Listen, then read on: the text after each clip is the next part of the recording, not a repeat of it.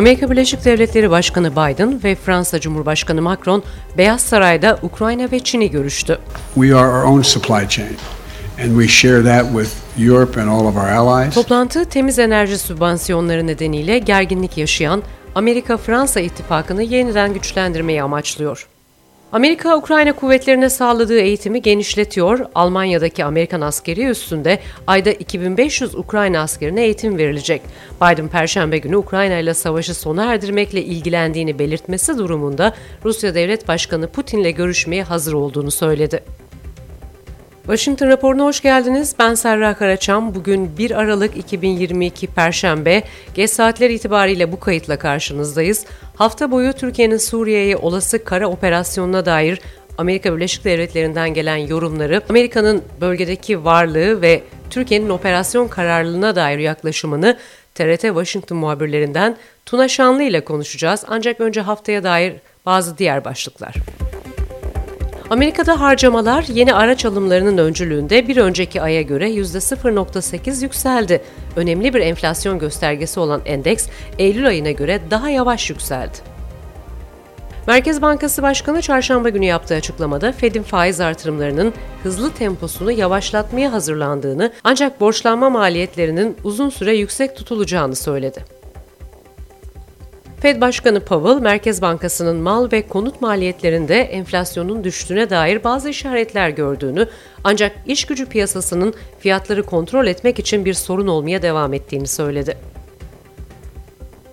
Temsilciler Meclisi Komitesi, eski başkan Donald Trump'ın IRS'ten 6 yıllık federal vergi beyannamelerini elde etmeyi başardı. Demokratlar mali kayıtları araştırmak için yıllardır uğraşıyor. Texas Uvalde'deki Rob İlköğretim Okulu'ndaki toplu silahlı saldırıdan sağ kurtulanlar Teksas'taki kolluk kuvvetlerine karşı 27 milyar dolarlık toplu dava açtı. Türkiye Savunma Bakanı Hulusi Akar, Amerikan Savunma Bakanı Lloyd Austin ile görüştü. Ankara Amerika'dan YPG PKK ile işbirliğine son verme konusunda net beklentisini tekrar dile getirdi. Ardından Pentagon SDF ile azaltılmış kapasitede çalıştığını duyurdu. We have reduced the number of patrols because, again, we do these uh, in partnering with the SDF, and so they have reduced the uh, therefore 13 Kasım'da İstanbul'da yaşanan bombalı saldırı 6 kişinin ölümüne yol açtı ve 81 kişiyi yaraladı. PKK-YPG'ye yönelik Türk hava saldırılarının en sonuncusu bundan sonra gerçekleşti.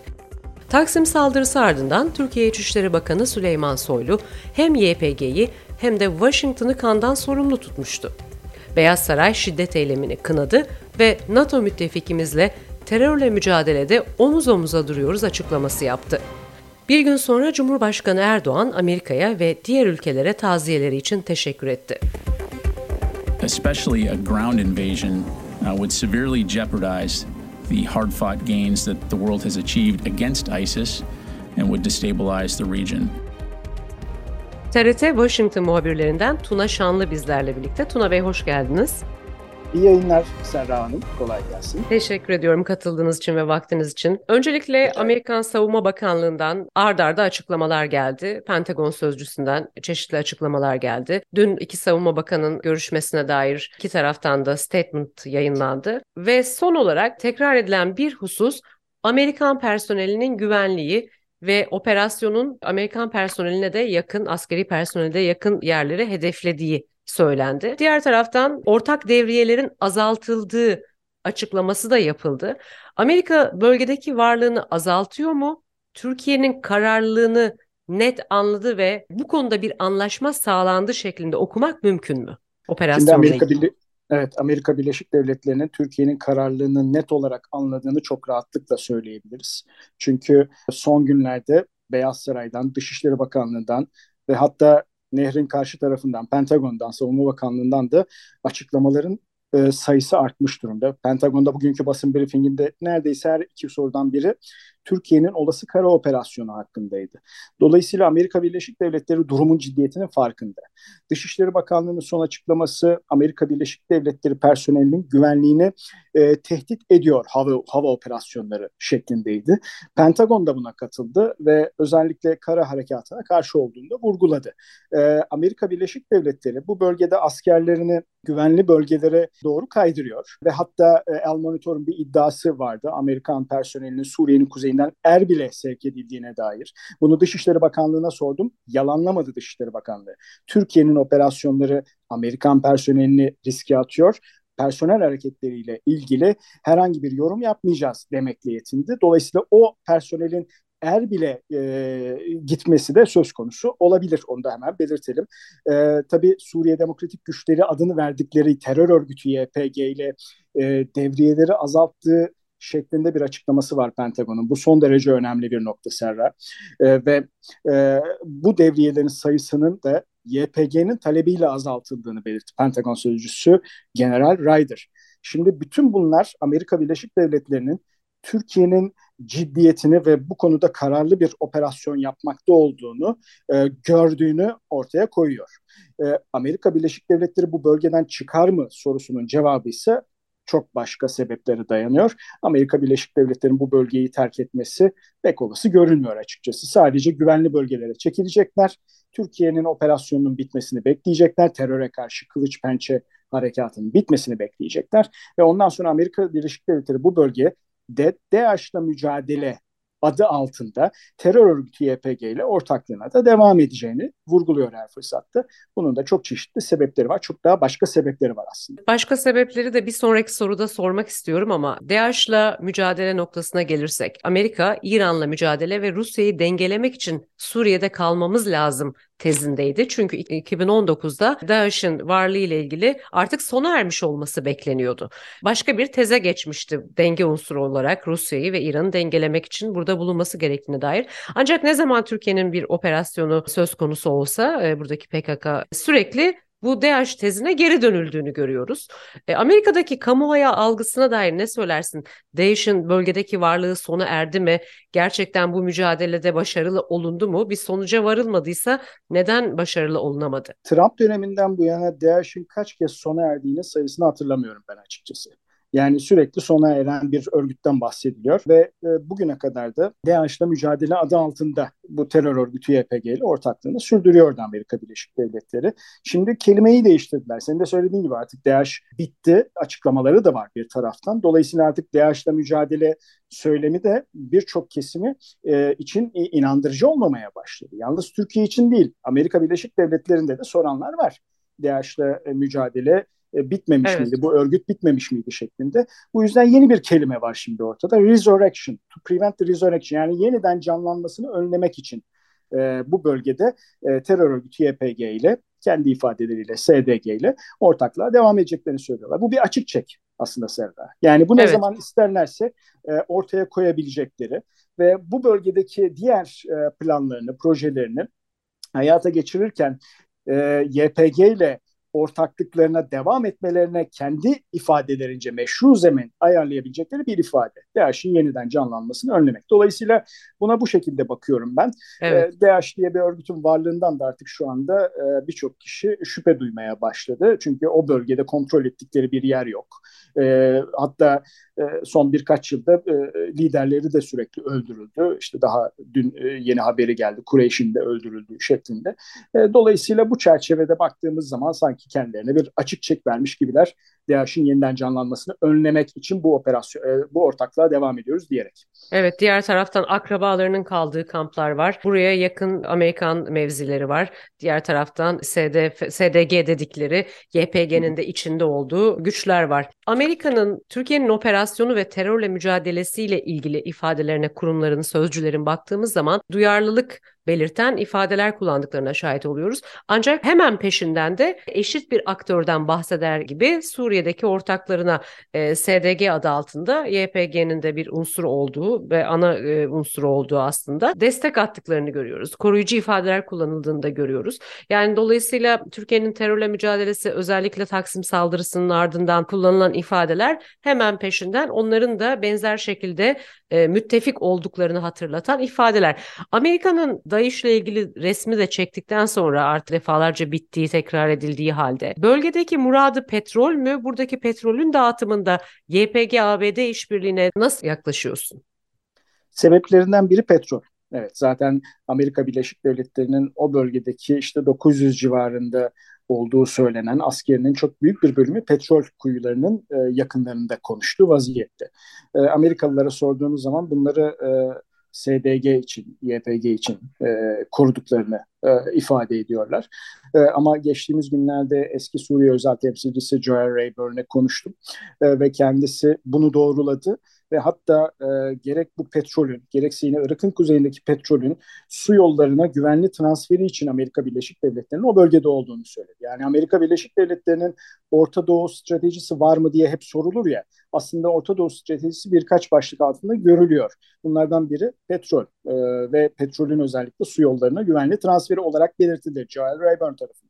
E, hatta su yollarında e, seyir sefer rahatlığı ve ticaretin güvenli sağlanmasının da Amerika Birleşik Devletleri'nin bu bölgede e, bulunma sebepleri arasında gösterdi kendisi. Evet. Burada Babel Mandap e, Barajı, Hürmüz Boğazı, e, Babel Mandap e, Boğazı, Hürmüz Boğazı e, gibi e, yerlerden e, e, örnek vererek. E, bunun dışında İran'a karşı e, mücadele ve İran'ın taşeronlarını burada baskılama politikası çerçevesinde de YPG ile ortaklığı aslında devam ettiğini söyleyebiliriz. Bunu da üstü kapalı olarak vurguladı. Aslında birçok sebebi var. Amerika Birleşik Devletleri'nin burada birçok e, planı, projesi var. E, petrol onlardan birisi dememiz çok daha doğru olur. Zaten Türkiye yönelik son açıklamalarındaki e, çelişki de biraz bundan ileri geliyor. Yani bir taraftan Türkiye'nin müttefikliğinin ve stratejik öneminin hele ki Ukrayna Savaşı'ndan sonra ve diğer bölgesel gelişmelerle birlikte çok daha farkına varmış bir Amerika Birleşik Devletleri yıllar sonra bu kadar net e, terör vurgusu, Türkiye'ye yönelik terör saldırıları var. Türkiye terörün bir mağduru, kendini ve vatandaşlarını koruma hakkına sahip derken açıklamanın kalan yarısında geceyle gündüz gibi ter, ters bir şekilde Türkiye'ye yönelik bu terörün kaynağı olan YPG ile ortaklığa devam edeceğini söylüyor. Bu da bundan ileri geliyor. Zaten bugün Ryder'ın açıklamasında son derece skandalda bir ifade vardı bence. İlk cümlesinde dedi ki e, Türkiye ile 70 yıllık ortaklığımız, stratejik ortaklığımız ve ittifak, ittifaklığımıza saygı duyuyoruz dedi. İkinci cümlede SDG ile yani YPG ile DAEŞ'e karşı mücadele için yürüttüğümüz ortaklığa da saygı duyuyoruz dedi. Yani bunlar gece ile gündüz kadar farklı açıklamalar. E, nedeni de biraz bu diye düşünüyorum. Evet, Türkiye ile güçlü ve kalıcı ilişkimize değer veriyoruz. SDG ile sahip olduğumuz ilişkiye de değer veriyoruz. Eşit evet. aktör e, olayı ve e, terörle mücadelenin ruhunu anlamaktan çok uzak tabii ki elbette bu. E, diğer taraftan da. DAEŞ'in yeniden yapılanmasını engellemek adına yapmamız gereken bir şey bu. Ancak yine Austin'in görüşmesinde de bildiğim kadarıyla Türkiye ile birlikte DAEŞ'i yenmek için birlikte çalışmaya da istekliyiz diyor.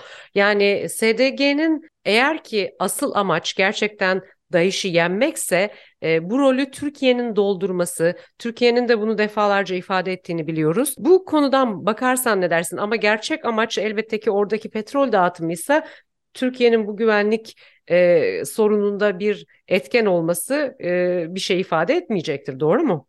Amerika Birleşik Devletleri Serra için e, en ideal e, müttefikler e, tanımına özellikle bu bölgede her dediğini yapan, sözünden hiç çıkmayan e, ortaklar giriyor. Ve bu nedenle de SDG veya YPG'yi bırakmak istemiyor Amerika Birleşik Devletleri. Çünkü Türkiye özellikle son yıllarda bağımsız politika yürüten bir ülke.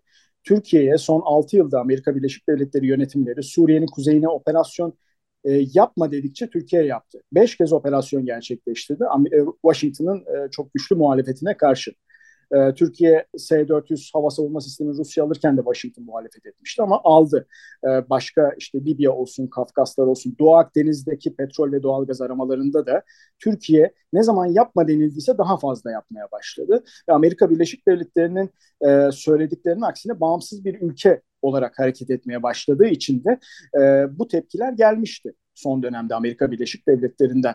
E, ama Ukrayna Savaşı başta olmak üzere son dönemde yaşanan özellikle bölgesel ağırlıkta olmak üzere yine bir noktada küresel gelişmeler ama ağırlıkta bölgesel gelişmeler Türkiye'nin stratejik önemini ortaya koydu. Bu yüzden de özellikle bu operasyona, Türkiye'nin Pençe Kılıç Harekatı'na önceki operasyonlardaki gibi Washington'dan çok güçlü bir tepki çıkmadığını düşünüyorum ben. Yani hele ki hatırlarsın 2019 yılındaki Barış Pınarı Harekatı'nda Amerikan Kongresi yaptırım uygulamıştı. Onun dışında Amerikan basını sabahtan akşama kadar Türkiye'nin işte o bölgede yaptığı operasyonun aslında Kürtlere yönelik bir soykırım olduğu şeklinde e, haberler yayınlamışlar. Türkiye e, büyük bir kamu diplomasisi mücadelesiyle e, bu haberlerin çok e, tamamının e, yalan olduğunu bir bir ortaya koymuştu ama çok büyük bir mücadele sonucu evet. bunlar gerçekleştirilmiş. Şu an Washington'da Türkiye'nin Pençe Kılıç Harekatı'na karşın işte iki tane senatör Van Hollen ve Bob Menendez onları da biliyorsun yani Türkiye karşıtı tasarılarıyla biliyoruz zaten. Ee, birkaç cümlelik açıklamaları dışında kongreden bir açıklama yok. Amerikan basınında 2019'daki Barış Pınarı Harekatı'ndaki gibi Türkiye'ye yönelik bir tepki, bir saldırıya varacak haberler yok.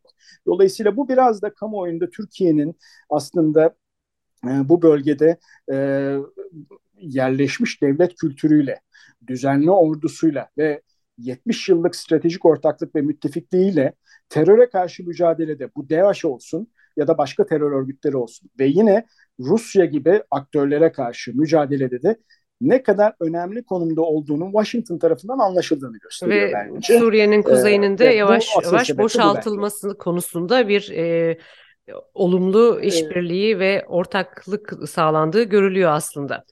E, ya bu onun bir parçası aslında. E, mutlaka onun e, etkisi var. E, ama dediğim gibi Suriye'nin kuzeyini Amerika Birleşik Devletleri'nin tamamen terk etmesi söz konusu görünmüyor başka sebeplerden dolayı. Ama biraz daha e, Türkiye'nin e, müttefikliğine ve 70 yıllık stratejik ortaklığına ve NATO'nun en büyük ikinci ordusu olarak da bu bölgedeki stratejik önemine e, daha fazla inanmış bir Washington var. Bunu daha çok gözeten, göz önüne koyup gelişmeleri değerlendiren NATO genişlemesi de tabii konjektürel olarak bu işin bir başka boyutu.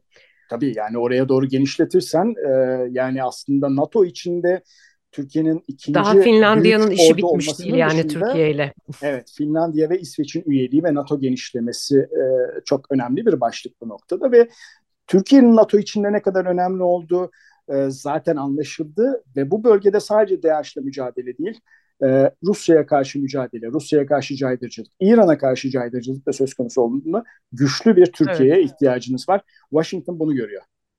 Peki son olarak e, Amerika'da Türkiye-Amerika ilişkilerine dair ve bölgeye dair kalem oynatan bazı isimlerin genel olarak yorumlarına baktığımızda onların da aslında Türkiye'nin PKK'dan, YPG'den gördüğü zararı e, kavramaya başladığını görüyoruz. E, bunlar sürekli Türkiye aleyhtarı isimler bazıları.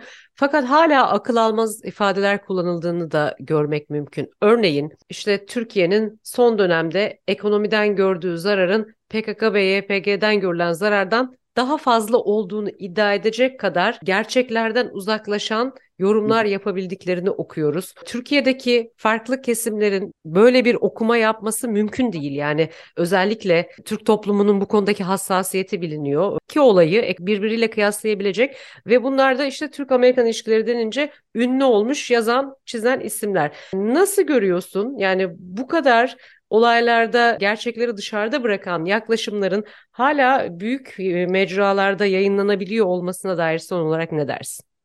Sürekli Türkiye aleyhinde yazılar yazan uzmanların ben Türkiye'yi anlamasını beklemiyorum. Ee, onlar Türkiye'yi anlamaya değil, anlam yüklemeye çalışıyorlar. Ee, bu örneğini verdiğin yazılar da zaten bunun bir ürünü.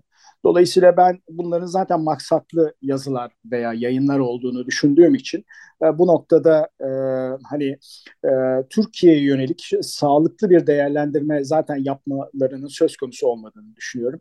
E, dolayısıyla Türkiye'nin açısından bakmak, perspektifinden bakmak e, gibi bir kaygılarının olduğunu da inanmıyorum. Dolayısıyla e, bu bahsettiğin örneğini verdiğin e, kişi veya kendilerini uzman diyenlerin de aslında e, çok da dikkate alınmaması gerektiğini düşünüyorum ben. Evet Tuna Şanlı çok teşekkür ediyorum değerli vaktin için.